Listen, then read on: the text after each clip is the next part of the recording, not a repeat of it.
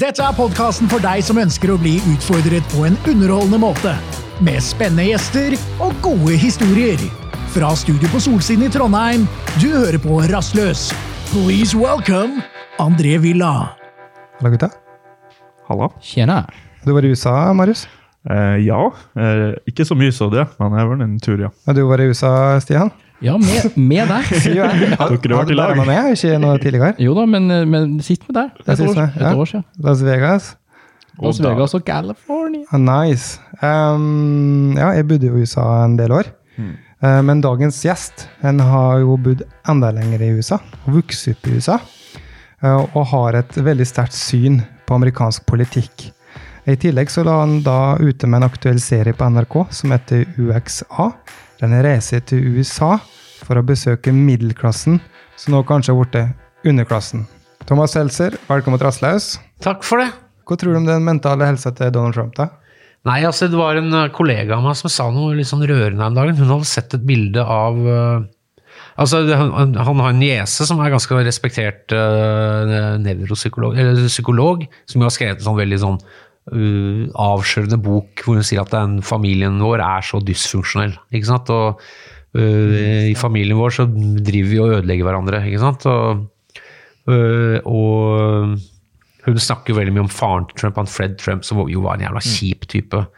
Ikke sant? De, fikk, de starta jo familieimperiet. altså Penga kom jo inn Det er jo, det er jo ingen, ingen familie her som har funnet opp noe. altså dette er, de, Han lærte seg at kommunen i New York City eh, jo, hadde jo sosialboliger sant, for de fattige.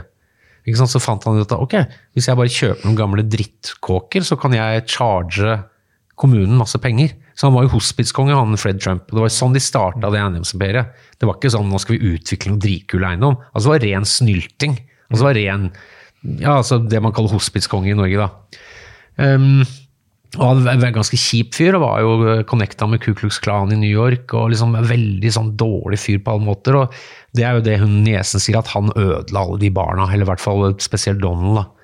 Eh, og, så jeg tror han var veldig eh, jeg, jeg tenker en annen måte også, som også er sånn mental helse. det er også, Hvis du er sinna på noen, eller syns at noen er en dust, se på vedkommende og tenk på hvordan de var når de var to-tre år gamle.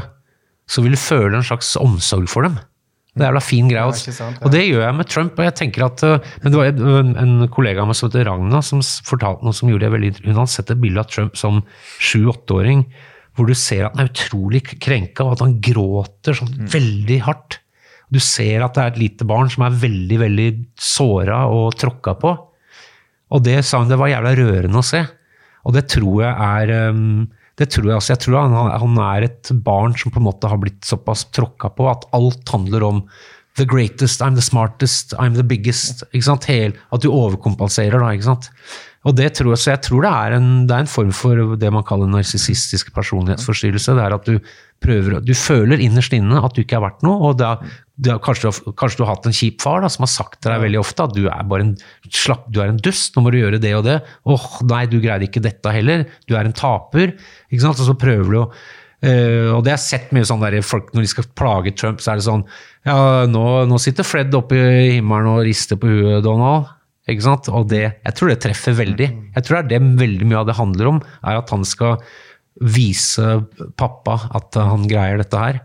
Og det er veldig sårt. Altså, jeg ja, jeg tror det er det som ligger veldig altså Det er jo ikke normalt å si at jeg har verdens beste Jeg, jeg så et intervju med Anthony Scaramucci, som var pressetalsmannen hans en liten stund. Og han sa at 'jeg kjente Trump, jeg kjente Donald i 40 år', liksom. Og når han sier 'kanskje jeg skal øh, bli president en tredje gang'? Kanskje jeg skal sitte, for det er bare lov å sitte i åtte år. Men kanskje vi skal forandre de reglene? Så sier Scaramucci han, han fremstiller det som det er litt kødd, med litt glimt i øyet, men han mener det også. Sant? Han sier det er veldig lite Trump sier som egentlig er kødd. Men han kaster ting ut for å se hvordan folk altså Han leser folk. Det er jo det han har levd av. Han er jo, han er jo, han er jo veldig street smart. Han, han har jo levd av å lese folk, ikke sant. Eh, Så han, han sier, men han, dette er liksom ting som kommer fra hans indre, da, som er ganske kjipe ting. og Det hun Mary, hun niesen, sa at um, For folk, noen som sa jeg tror ikke Trump fikk korona, jeg tror det var bare bløff. Det tror jeg han fikk. Eh, og at han var tvunget til å dra til sykehus. For det hun Mary sier, at eh, sykdom det forakter de i familien her. Han Fred, for, hvis du ble sjuk, uansett hva det var, så var hun taper. Det var svakhet. Så jeg tror ikke Trump har det i seg til å kunne late som han har fått korona og sitte med litt bustehår. Jeg- Han var ganske, han så ganske klein ut de første bildene man så når han skulle ha liksom pressekonferansen på sykehuset her. Så det tror jeg stakk jævlig, den satt jævlig dypt inne. Så det, jeg tror ikke han faka det uh, i det hele tatt. Men jeg tror når du lever en, eh, med en sånn streng familiefar som liksom forakter altså det å bli sjuk, Bare det å bli sjuk er liksom Da er du en fuckings taper. Så tror jeg du det får noen konsekvenser for deg på personligheten din. da. Tror du ikke at det er en litt sånn, en sånn filosofisk sånn, uh, selvmotsigelse? For Jeg har sett mye dokumentarer om Trump, og sånn, så jeg er helt enig med deg. Det virker litt som de fleste barn har jo lyst til å mm, få faren sin til å anerkjenne dem. Og det var jo ekstremt vanskelig med en Fred. Ja, ja, ja. Og, altså, uansett han bygde Taj Mahal, det gigantiske Ja, kasinoet. Det første han gjorde, var Donald, hvor mye strøm bruker egentlig den lyskronen der? Ja. Det var ikke bra. Nei, nei, Aldri, uansett hva han har gjort, aldri bra. Så, han, så man kan si ok, han prøver å uh, gjøre faren fornøyd. Men så hvis man er enig om at han har type ting, ego, egosentriske ting, så driver han. Men samtidig, det som jeg syns er litt selvmotsigende, det er er da nødvendigvis ingenting positivt med det hvis han ikke har hatt et ego? Og sittet i flipflops og bedt i, Nei, nei, i et nei, jeg tror du må Da Trump du- Tower aldri ja, funtes. Nei, nei, nei da, du må jo ha en Jeg tror veldig mange har, som eh, får til ting, har en øh, At du, du har en drive, liksom. Jeg tenker det hos meg sjøl også, at jeg kan ha en liksom litt sånn øh, fanevoldsk drive som gjør at jeg får til ting i livet. og og det syns jeg man, man skal ikke liksom si at da, nei, da er du gæren, da er du liksom nazist hvis du er sånn, men man ikke ha litt ego? Kanskje man, skal, man, skal, man, må ha, man, må ha, ja, nei, men man må ha en ego, men jeg- man må ha et ego, men jeg tenker at det må være liksom, Man må kunne Hvis man ikke kan innrømme feil en eneste gang, altså hvis du mangler på en måte de grunnleggende tingene som på en måte kjennetegner et voksen menneske, da, så kan du i hvert fall ikke være president. Da, da tenker jeg og det er liksom noe med at du må være Altså, ingen er perfekt, da, men ja, liksom, jeg tenker bedre man, med Biden, da? Hvis man ser det sånn? Nei, han er jo en, han er jo en snik og en karrierepolitiker som er sponsa veldig mye av corporate penger. Han, han har vært senat for Delaware, som er sånn skatteparadis for ikke minst for bank, banker og store konsern og sånn, som har pumpa masse penger inn. Så han er liksom, han har nesten ikke noe politi... Han er bare en vanlig høyrefyr, liksom. Han har egentlig ikke noe Og det er litt liksom koko når liksom han og Bill og Hillary og Obama er, norsk medie har dette felles med høyrepressen i USA, at de fremstiller liksom Hillary, Obama og Biden som en slags SV-ere, og det er det ikke. Det er vanlige høyrefolk. Sånn at um, Det er liksom som litt ko-ko liksom, at de er liksom kommunister og sånn. altså Det er bare sånn pff. Nei, er fjernt. Men nei, altså, men jeg tenker at um, jeg tenker Noe som traff Som jeg tenker Trump tapte en del stemmer på i den første TV-debatten, var når han går Ja, hva med sønnen din, da? Sønnen din, da? Og så sa han uh, Det var jo åpenbart at han mente han Hunter, som er narkoman og sånn. Så sa jeg, mener du han som døde? For han hadde jo en som var veteran, som døde av kreft. Nei, han andre, han taperen, han kokain, han narkisen. Og da så Biden bare inn i kameraet og sa ja, i likhet med veldig mange andre i USA, så har vi eh, slitt med rus i min eh, nærmeste ikke sant? Og det var bare sånn, den tror jeg, det er- og da tror jeg Trump også skjønte faen. Da, da vant han på Ja, da, ikke sant? For det der gikk han for langt. For det er jo riktig. Jeg tror Biden, altså rus er, rusproblematikk er så utbredt i USA. Ja, også, men også det å snakke om det. Det er mye mer normalisert også, på en måte. Eh, der har folk, det, USA har kommet lenger når det gjelder å kunne snakke om rus og de tinga, føler jeg, enn i Norge. Og når, da følte jeg selvsagt traff det meg når Biden sa det, men da, da tror jeg også Trump trakk seg litt tilbake. bare, å, å, faen, det skal ikke sånn. Men liksom, når han bare sa ja, nei, vi har, ja, vi har rusproblemer i familien min, liksom, i likhet med veldig mange andre amerikanske familier. Og det var bare sånn yes. Ja, ikke sant? Og når du ikke på en måte mestrer den der, så tenker jeg at ja, Det er noe spennende å se med Oregon hva som vil skje når de har legalisert heroin og kokain og alt det der. Ja, for det, det har vært en sånn stille Det er en ting som er underkommunisert med det valget nå. At det for at det er jo folkeavstemninger i alle stater når det er valg. På en del lovforslag, ikke sant. Og det har jeg bare fått med meg liksom i øyekroken, at det har vært noen veldig eh, oppmykninger av noe narkolovgivning. Veldig rart. Hva du tror hva du tror vi blir å skje? da? La oss si neste ti årene. Blir det bedre, Jeg, dårligere? jeg veit ikke hvordan det skal se ut. Altså, en ting, jeg er jo ikke noen sånn legaliserings... øh, Frik nødvendigvis, men jeg tenker at uh, når folk sier ja, vil du ha fri tilgang til heroin, så tenker jeg ja, men det er det i dag. En tolvåring kan kjøpe heroin i Oslo i løpet av en time. Det er ikke det det er snakk om. Det er en form for regulering som gjør at bare la de som er skikkelig junkies, kanskje de kunne fått heroin resten av livet, da. Og da vil du ødelegge gatemarkedet. Da vil du ødelegge rekrutteringa. Det som er nå, som jo alltid har vært, er at det er bare et svært supermarked på gata, hvor alt er hulter til bulter. Og folk kommer for å kjøpe én ting, og så går de hjem med noe annet. Og så plutselig har de? Det var jo en periode hvor masse gamle alkiser i Oslo plutselig ble- heroinister fordi heroin ble så billig. Altså Det var billigere for gamle gatealkiser å, å, å kjøpe heroin enn å kjøpe sprit. Sant? Så det er jo sånn Når du har alt på gatas supermarked, men hvis du bare regulerer og sier ok, du har vært junkie i 30 år, vet du hva? Kom hit hver dag, så skal du få, skal du få medisinen din. Istedenfor at de skal gå og gjøre noe stedet, ikke sant? Og, og, men da, da har du ikke noe gatemarked lenger. Hvis du bare nei, du har vært heroinist i 30 år, kom, vet du hva, kommunen skal gi deg I Sveits så er det forsikringsselskapene som går inn sammen med, med de kommunene og sponser disse programmene. For at det, det koster jo dem så mye penger i bilstereoer og ja, ikke sant? Så de bare skjønte at Så kall det kynisme eller hva du vil, men altså det er i hvert fall eh, det er noe med at man må skille mellom snørr og bart når det gjelder sånn frislipp, legalisering, altså det er avkriminalisering. Det er, det er mange forskjellige nyanser der, da. Men jeg bare tenker at um, Spennende å se. ja, det er jævla spennende å se. Altså. Men jeg vet at i Portugal så har det jo vært, eh, vært et sånt pionerprosjekt med, med, med en del litt sånn tunge stoffer. Og det jeg tror eh, Altså, Norge ligger jo veldig høyt oppe på overdosestatistikken eh, på verdensbasis. Portugal har gått veldig bra med siden 2004. Da var jo Portugal var jo den aller verste plassen på Ja, jordkloden. Ja, Ja. Og så siden 2004 har det gått eh, Jeg tror 2004 har gått Det er ikke så mange som dør av eh, overdoser der som Ikke det var. tatt. eh, Mens i Norge så eh, Jeg har ikke sett de siste tallene, for jeg er liksom lenge siden jeg har på en måte tenkt så mye på de tinga. Men det, man må se på altså The War on Drugs, sånn som det har vært hvert fall i USA, så har jo det vært en enorm tragedie.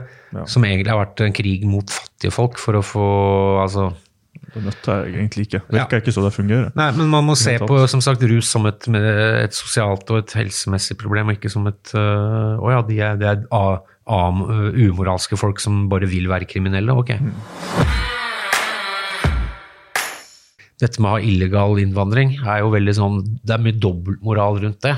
For Trump sier build the wall, men det er en stilltiende um, enighet, på en måte, også, ikke minst også, altså blant republikanske politikere. Nei, det er fint å ha en stor stor illegal underklasse som ikke har den dritt de skulle ha sagt. ikke sant?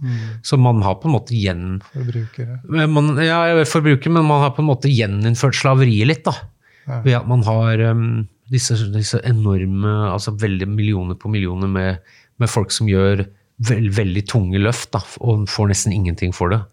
Så det er jo en slags uh, Hvis du tar bort uh, fagbevegelse og faglige rettigheter og arbeidsmiljølover og sånn, sånn som jo har skjedd i USA de siste 40 åra, hvor det på en måte bare har blitt helt utradert, så eh, for USA har alltid vært innvandringens land. Det er jo innvandring som bygger landet. Det er liksom råstoffet i den der svære motoren. Men når du tar bort alle de tinga, så blir det jo sosial dumping. ikke sant? Sånn at alle, det går utover på en måte alle. Da, så, da blir det jo lett for en fyr som Trump å komme inn og si Se på han eh, fyren fra El Salvador som tok jobben din! Fuck han! Ikke sant? Og så Nei, det er jo Kanskje, Nei, det er altså, kjipt, da. For eksempel det, Trump går kommer ut og sier at de, at de er så kriminelle og sånn. Altså, vi var i en by i Iowa hvor, som, hvor det et svært kjøttpakkeri. Og man regner med at noe sånn 70-80% av befolkninga var innvandrere, og veldig veldig mange av de er eh, illegale. Ja. Men det er, det er nesten ikke kriminalitet der. Ikke? For de holder jo veldig lav figur. Altså, de ligger jo lavt. Mm.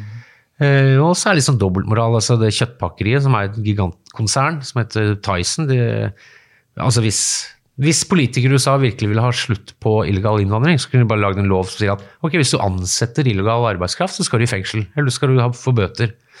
Meg bekjent så har det aldri et uh, firma har aldri blitt dømt, eller en bedrift har aldri blitt dømt for det. Så det er jo, de kunne bare stoppa illegal innvandring over natta. Og det ville kosta mye mindre enn å bygge den muren.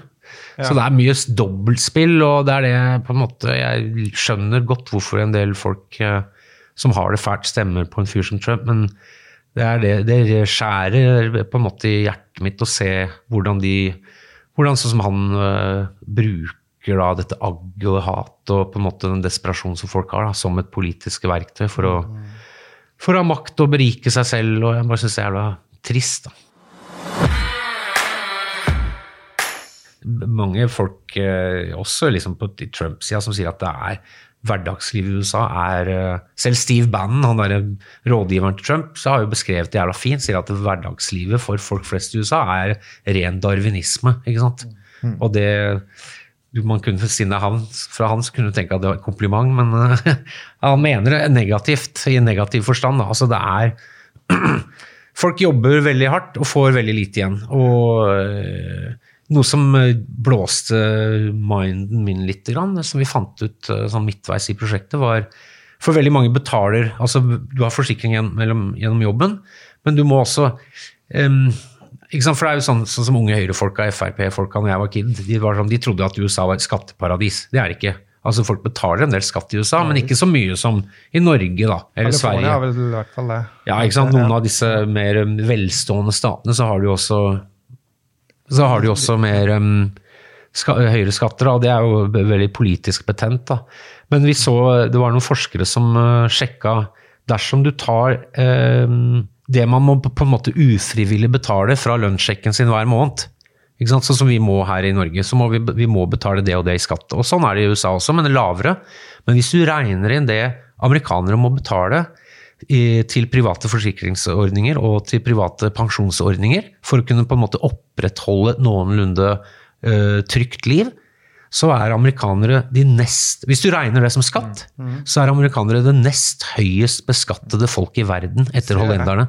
Så de betaler på en måte mer skatt enn det vi gjør her. Da. Men da er det til et forsikringsselskap som kommer Ja, er du sikker på at den armen din ikke er frisk snart, da?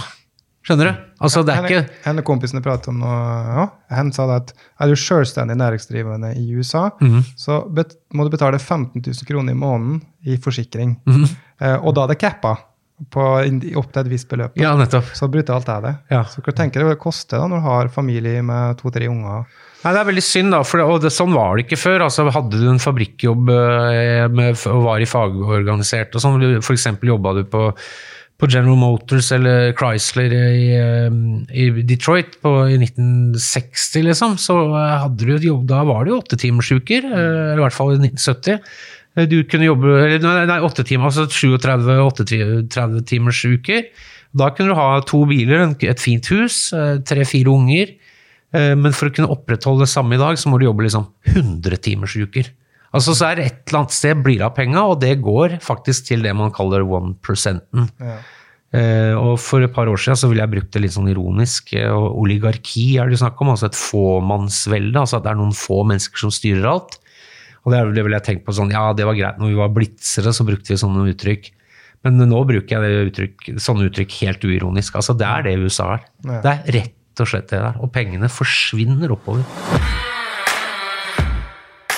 Tror du at det er eh, en Noen gruppe- har, har jo øh, eksistert. Er Ja, jeg vet. Absolutt. Men, altså, men dette her med, altså, tror du at det er en gruppe mennesker som, ikke, som er anonyme, ikke eksponert for oss, som har stor påvirkning på denne verden? Men det kan jo bevises, for det er jo det? seks selskap Nei, Det er jo seks ja. selskap som, som eier 1200, nei 1500 Ja. nyhetsstasjoner. Disney, Vox ja, ja, det er Sinclair og altså, det, er, det, det, det er er veldig, det er en veldig konsentrasjon av makt uh, innenfor Så- media og innenfor Altså at de uh, Men jeg tror ikke de um, er Hva skal man si? Men det er liksom Det er noe creepy når eh, En ting vi, var- vi oppdaga når vi lagde UXA, er hvor splitta Altså hvor splittende media i USA har oppført seg. Altså De har skapt splittelse, skapt polarisering, fordi at det er en god forretningsmodell.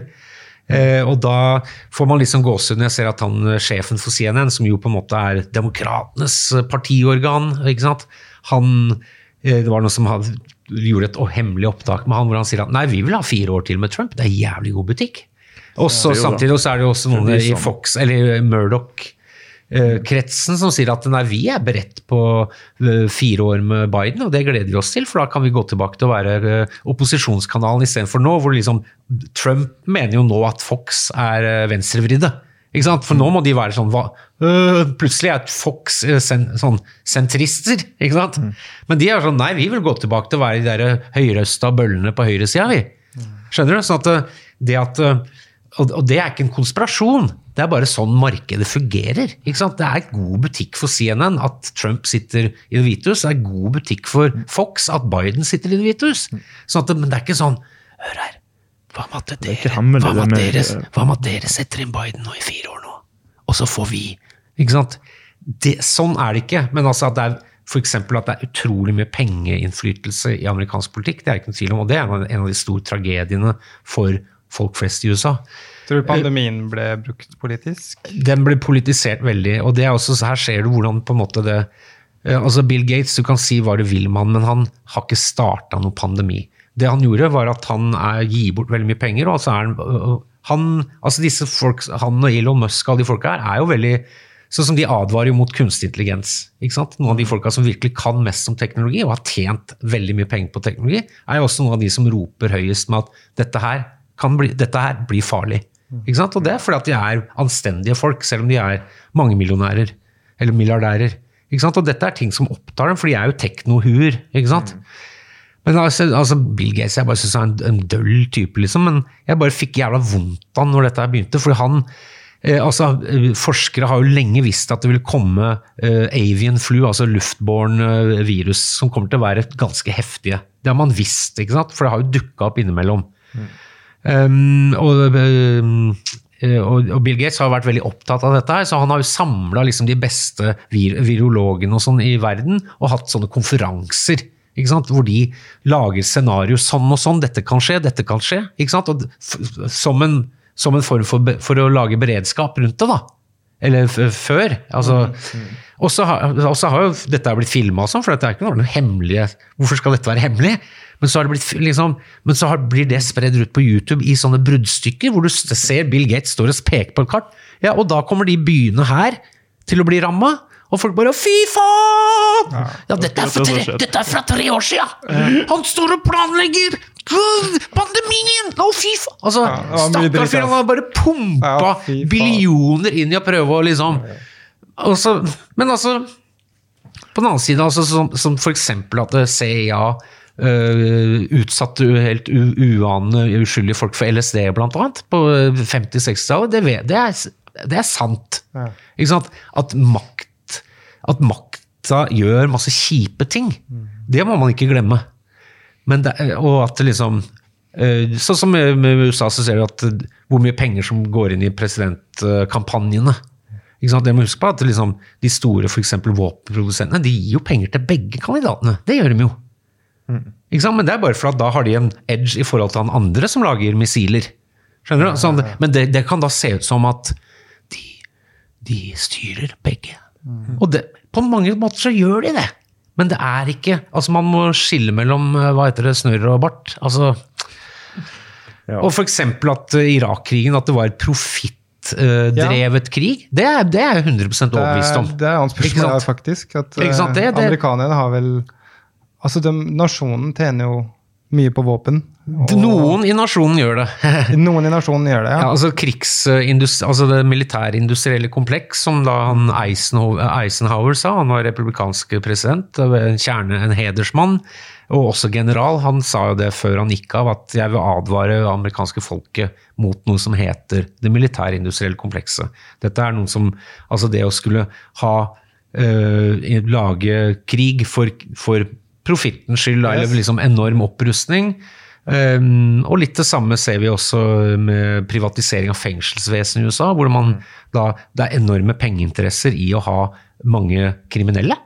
Ikke sant? Sånn at, eh, fordi at det er jo om å gjøre å ha Det er som å ha, være hotellkonge i Stordalen, bare at du er fengselskonge i Stordalen. Du vil jo fylle de romma. Ikke sant? Og at, de da, at det påvirker f.eks. kriminalpolitikk i USA, det er det ikke noe tvil om. Men, og det er de tinga der man må se på. Um, men jeg bare syns det er trist, sånn som det har vært snakk om chemtrails, altså disse kjemikaliene. og det husker jeg, Og da tenkte jeg Ja, det er sånn, ja, det er, hvem er det som står bak dette? Jo, det er Nato. Og det er, ja, det er Nato-fly som sprer disse kjemikaliene over uh, Europa, som da gjør folk uh, medgjørlige og bedøver dem og sånn. Og det tenker jeg altså, det som er interessant med Nato, er jo at Nato-landet Tyrkia er det landet i verden hvor flest journalister sitter i fengsel. Det? Ta all den energien, ta all den der koko-energien, og diriger mot? Hvis du skal gå etter Nato for noe se, Hei, Nato, hvorfor er Tyrkia med hos dere? Kan ikke dere få Tyrkia til å slippe løs de journalistene? Sant? Ta den energien, den aktivismen og det der engasjementet, og si til Hei, Nato, skjerp dere, gjør noe med Tyrkia. I stedet så blir det sånn Hei, Nato, slutt å spre bedøvelsesmiddel på oss, da. Skjønner du? Det er bedre at La oss si at det er en million folk som tror på chemtrails. Da, i, eller la oss si at det er ti millioner folk i Europa som tror på det. Det er sikkert mer. La oss si at det er 40 millioner europeere da, som tror på chemtrails og tror Nato driver med det.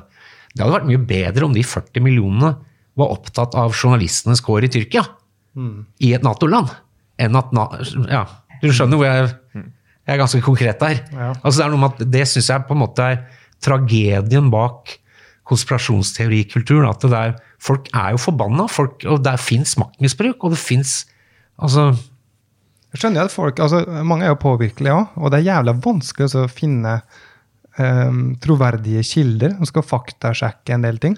Ja, ikke sant? Og, Og det, men, hvor, men det er nesten en konspirasjon i seg selv. Altså, det er en, det er en russisk-britisk journalist, BBC-fyr, som heter Peter Pomarantsov, som er veldig opptatt av hvordan det moderne Russland fungerer. Eh, og han sier at Putin, også det statsbærende liksom, folka som styrer Russland, da, de eh, bruker konspirasjonsteorikultur aktivt for å utmatte folk og for å skape forvirring. Han sier at, jeg har ikke sett det med egne øyne, men han sier at hvis du ser på statlige nyheter, i, altså nyheter på statlige kanaler i Russland, så sitter jo sånne anchormen, men de sier sånn det har vært en gasseksplosjon på en fabrikk i Sibir. Istedenfor sånn øh, De er på vei, de mener at det var det. Så er det sånn Hvem vet hva som egentlig har skjedd der? Ja, seriøst? Ja, sånn at, øh, og det er sånn, Visstnok han mest kjente liksom, anchorman i Russland har sånn der et catchphrase med sånn Vi kommer vel neppe til bunns i dette med det samme. God kveld! Her er nå, og her er været. Ikke sant? Og, hvordan du, og det, er, det er Putins måte øh, å utmatte og så gjøre at folk ikke gidder å engasjere seg politisk. For det er sånn Ok, så hvem var det? Nei, vi tror det er fiender av Russland som står bak denne gasseksplosjonen. Men vi vet ikke hvem ennå. Men vi kan jo kanskje tenke oss hvem? Og så er det sånn Altså, skjønner du? Altså, du lager bare et, et du, du lager et univers som er farlig, forvirrende, uh, ukontrollerbart, eh, ufattelig. Ikke sant? Og da utmatter du folk. Så folk gidder nesten ikke å gå og stemme engang, for det er bare sånn Har ikke noe å si. Det er er nesten sånn Donald Trump har gjort i USA Ja, Trump har lært mye av dette her. Ja. Absolutt, altså. Må faktisk eh, anbefale de som når vi snakker om russisk konspirasjonsteori, å se Ikarus. Vet ikke om dere har sett det når, når, de, når de doper i Sotsji med egen KGB ja, Dere må nesten se det, men, Ja. man kort oppsummert så så bloddopa disse Altså under OL? hele OL. Ja, ja. Ikke fram til. Nei. Dere vet dopingtest, da man. Da man urin til Ja, ja. to stykk, A og B, og så sammenlignes de og sjekker for dopingstoff. Ja. Men det var altså så, det var altså så planlagt. Altså, de vant jo alt. De har aldri vunnet så mye, for de dopa seg ikke slutta fem uker, seks uker før, sånn som normalt. Nei. Under hele. Ja, de på. under hele. Den må du se, den er så sjukt bra. ja, ja, altså, er ene, ene greia de gjorde da, Ja. eh, på testrommet der, så hadde de like hull i stikkontakter. der De stakk inn da urinprøve og du. bytta urinprøve. Og Altså, så det bytta de var en på baksida, vet du. Inn med og så, ja. Ika- Ikarus, hva? Ika. Ikarus. Ja. Du sånn der, For jeg kunne- må bytte blodprøven, de som er For alle blodprøvene som har tatt. Han er slaver fra Sibir som bare måtte stå og pisse Ja. sånn kontinuerlig i sånne rør. Altså, det- det altså, sånn jo- der mikrobryggeri med piss. Det var en veldig enkel teori, for det er jo sånn at eh, La oss si det er 200 utøvere, og Mhm. alle de tok jo dopingtest, og alle de testene hadde jo altså Når de ble analysert, så har alle blitt tatt. Ja. Så alle de la oss si 200 testene ble jo bytta ut med enda gamlere urin fra de samme folkene som ble bytta ut gjennom en fake vegg. Sånn at alle skulle gå gjennom. da. Det har i hvert fall vært, vært utrolig rart hvor mye jeg skulle prate om uh, Turbonegro når jeg har det i studio her. Ok. Altså, jeg, jeg vokste jo opp med dere og um, hørt på så utrolig mye av det i den tida eh, fra jeg var 17-18 og oppover. Eh, ski, eh, freestyle motocross, det var jo en del av miljøet vårt. Mm. Eh, og det kom i hånd. og um, Kan ikke vi forklare folket hvor store Turbonegro var og er? Så for folk som ikke kjenner dere. Ja, store og store, men vi pleide å si at det er bedre å være verdens største undergrunnsband enn å være verdens minste mainstream-band. Ja, ikke sant? Så det er litt sånn er glasset halvveis fullt eller halvveis tomt. Ja. Nei, men Nei, altså, vi er jo vi, Det er jo Jeg vet da faen. Vi, vet ikke hvor mange plater vi har solgt. Det har ikke vært så Jeg vet ikke om vi har solgt en million, liksom, men kanskje, kanskje det nærmer seg. Sånn eh, over 30 år, da. Men så det er liksom ikke sånn gigasuksess. Jeg er sikker på, Hvis du ser på streamingtallene, så er det ikke noe sånn øh, så jævla høyt. Men jeg vet ikke, vi har hatt en eller annen eller delvis også har en eller annen sånn posisjon som gjør at vi kan dra til vi kan dra til Melbourne eller Buenos Aires eller LA liksom, og bare spille og ha en Og at det kommer en del folk og ser på Hva er det største publikum dere har hatt? Nei, det er, men, ja, det er festivalpublikum, men da liksom På Download-festival i England så spilte vi før altså ganske høyt oppe på plakaten, og der var liksom Metallica skulle spille etter oss, men da var det 75 000. Oh, wow. Og det er sånn, Men da ser du på, apropos Flat Earth, da er det så mange folk at du ser på en måte hi- himmel, nei, jordkloden liksom bu- buer seg. Såpass, ja. Men, eh, men som det gjelder på en måte ikke. Men um, jeg vet da faen, vi hadde jo da faen, hadde vel 4000 folk i Spektrum en gang. Det var sånn Jøss, det var kult. Liksom.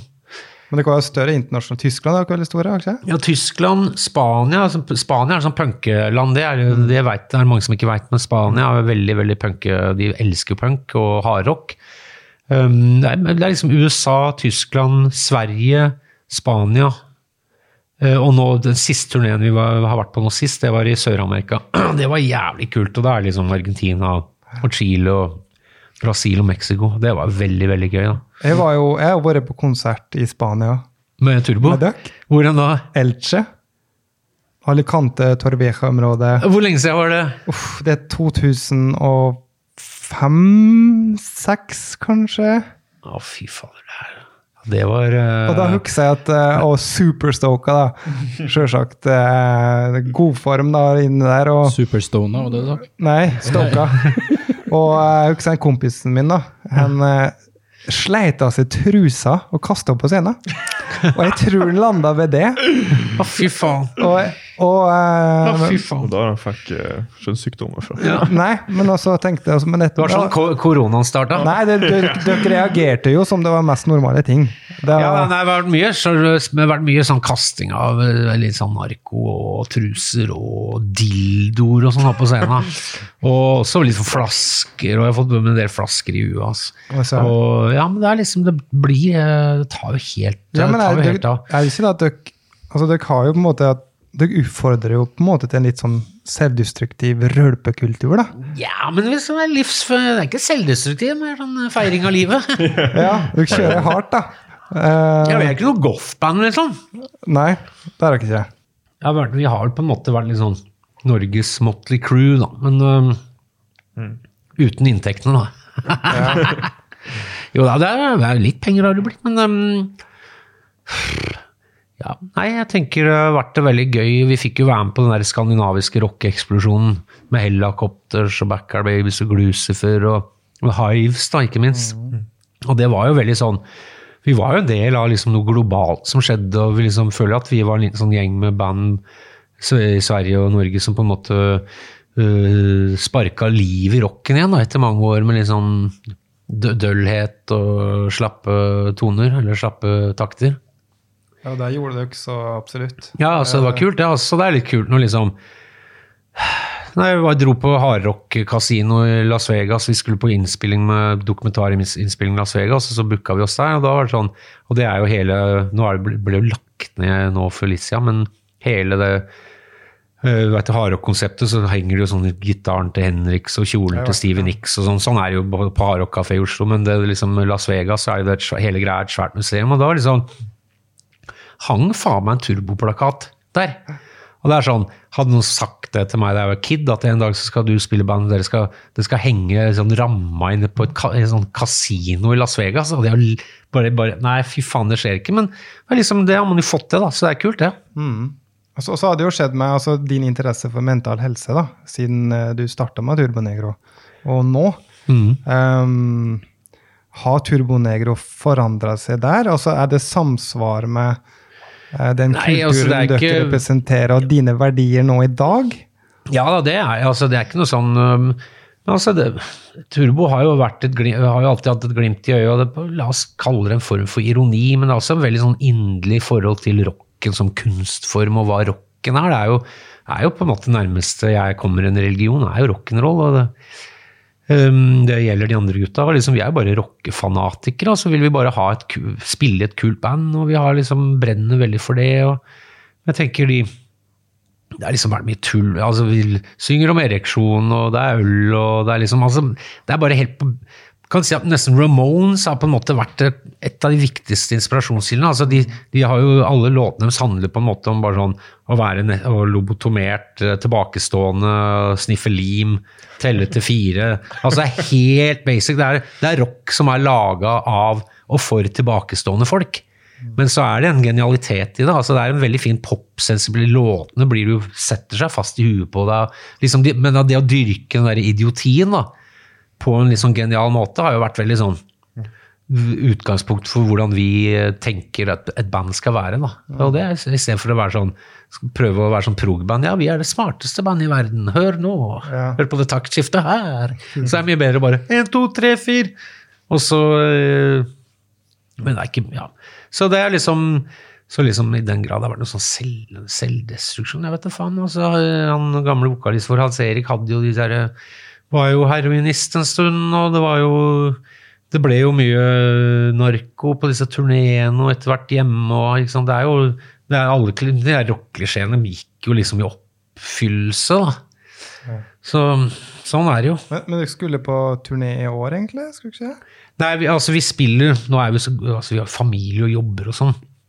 Men uh, altså, uh, for oss er jo som, sommeren arbe, jobbetid. Selv om vi er vel det eneste bandet i verden som følger fellesferien. For at, vi har, ja, vi har fellesferie. for at vi har koner som jobber i offentlig sektor. Så vi, vi, vi, det er alltid tre, måned, tre uker i juli hvor vi ikke spiller festivaler. Så det er fordi at da skal vi ha fellesferie. Så, eller industrisemester, som det heter i Sverige, faktisk. Men nei, vi skulle altså turnere vi, vi er jo over hele verden og spiller i festivalsesongen, da. Det er jo da vi liksom er ute og spiller, og så spiller vi litt rundt juletider. Men um, det er ikke sånn at vi drar på lange turneer lenger. Altså Før kunne man jo dra på turné i en måned, eller seks uker til og med, men øhm, sånn er det ikke. da. Så det er litt dumt med den koronaen, da, men Tommy, altså trommisen vår Tommy og keyboardisten Håkon Marius, det er jo det eneste som er liksom profesjonelle, altså som lever kun av å spille i turbo. Tommy spiller jo også i Onkel P og Fjerne slektningen, og Håkon Marius er jo kapellmester og Ja. universalgeni fra Bessaker ute på Fosen. Ja. Men, øh, så, øh, tenker, men de får jo noen sånne statlige støtteordninger og sånn. Men, men det er, den koronaen har nok, øh, kommer nok til å sette spor på musikkbransjen. Ja. Men er det egentlig korona, Stian? Nei, jeg vet ikke. eh, Du har jo eh, tidligere hatt en, eh, en laget en, hva skal jeg si, Ikke at du har deltok, men har laga en pornosketsj med Kari Jakkesson. Ja. Og nå er det jo en video som går viralt med hun igjen. Ja, hun er i vinden igjen nå, ja. Ja, og det Hun gir seg ikke. Du har, har du sett den eh, videoen? Nei, jeg, jeg har ikke det, altså. Nei, for jeg og André så den hvor hun rett og slett sier at det her covid, det er løgn.